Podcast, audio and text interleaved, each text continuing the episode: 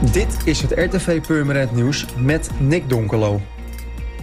Van een groep overlastgevende jongeren bij winkelcentrum Weidevende is de naam genoteerd door de politie en de handhaving.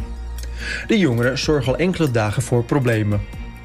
Volgens de gemeente houden jongeren zich normaal op in jongerencentrum Columbus, dat wegens de coronamaatregelen nu gesloten is.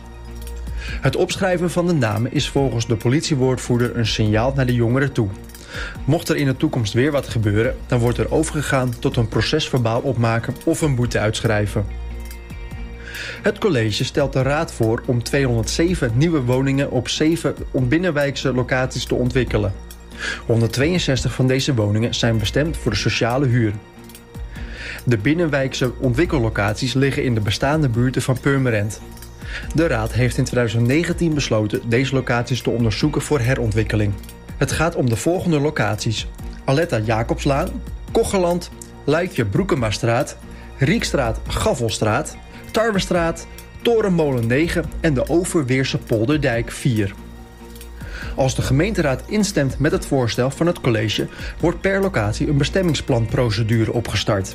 Dit betekent dat de bestemming van de grond wordt gewijzigd naar wonen en op drie locaties naar wonen gecombineerd met een maatschappelijke bestemming. De gemeenteraad neemt naar verwachting 18 februari een besluit. Bibliotheek Waterland biedt werkzoekenden de mogelijkheid om elkaar maandelijks op een vaste dag en tijd te ontmoeten.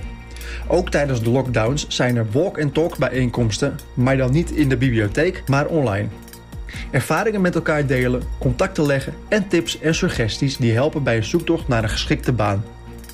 Op donderdagochtend 4 februari van 10 uur tot 11 uur is er weer een walk and talk. Opgeven dat kan door een mail te sturen naar walkandtalk@bibliotheekwaterland.nl.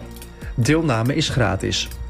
Voor meer nieuws, kijk of luister natuurlijk naar RTV Purmerend, volg je onze socials of ga naar onze website, dat is www.rtvpurmerend.nl.